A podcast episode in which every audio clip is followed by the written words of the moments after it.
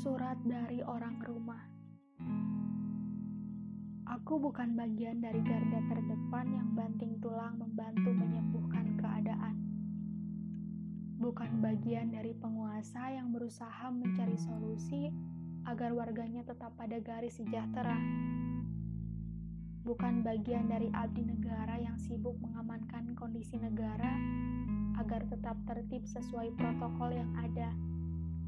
Tetapi, aku hanya yang kini tinggal di rumah, manut dengan perintah, dan berusaha untuk tetap tidak gelisah, agar tubuhku tetap kuat dan tidak kena jatah sang wabah.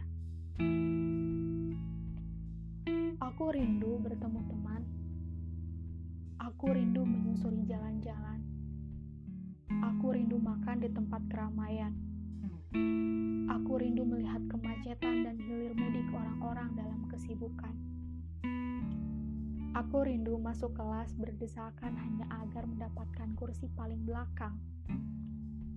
Dan aku rindu hal-hal yang selalu dilakukan tanpa adanya. Pembatasan.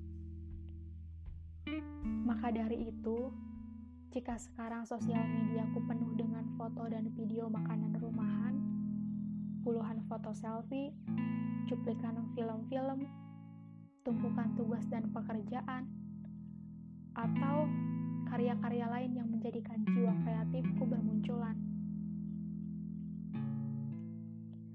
Tolong pahami dan coba mengerti, sebab sekarang itu adalah bagian dalam melawan kejenuhan. Itulah yang membuat aku bertahan untuk tetap di rumah, agar seluruh pembatasan itu usai sudah. Sedikitnya, aku membantu orang-orang tercinta, negara, dan seluruh manusia dalam semesta yang sekarang sedang berjuang untuk mengembalikan keadaan. Lakukan apa pun, asal di rumah.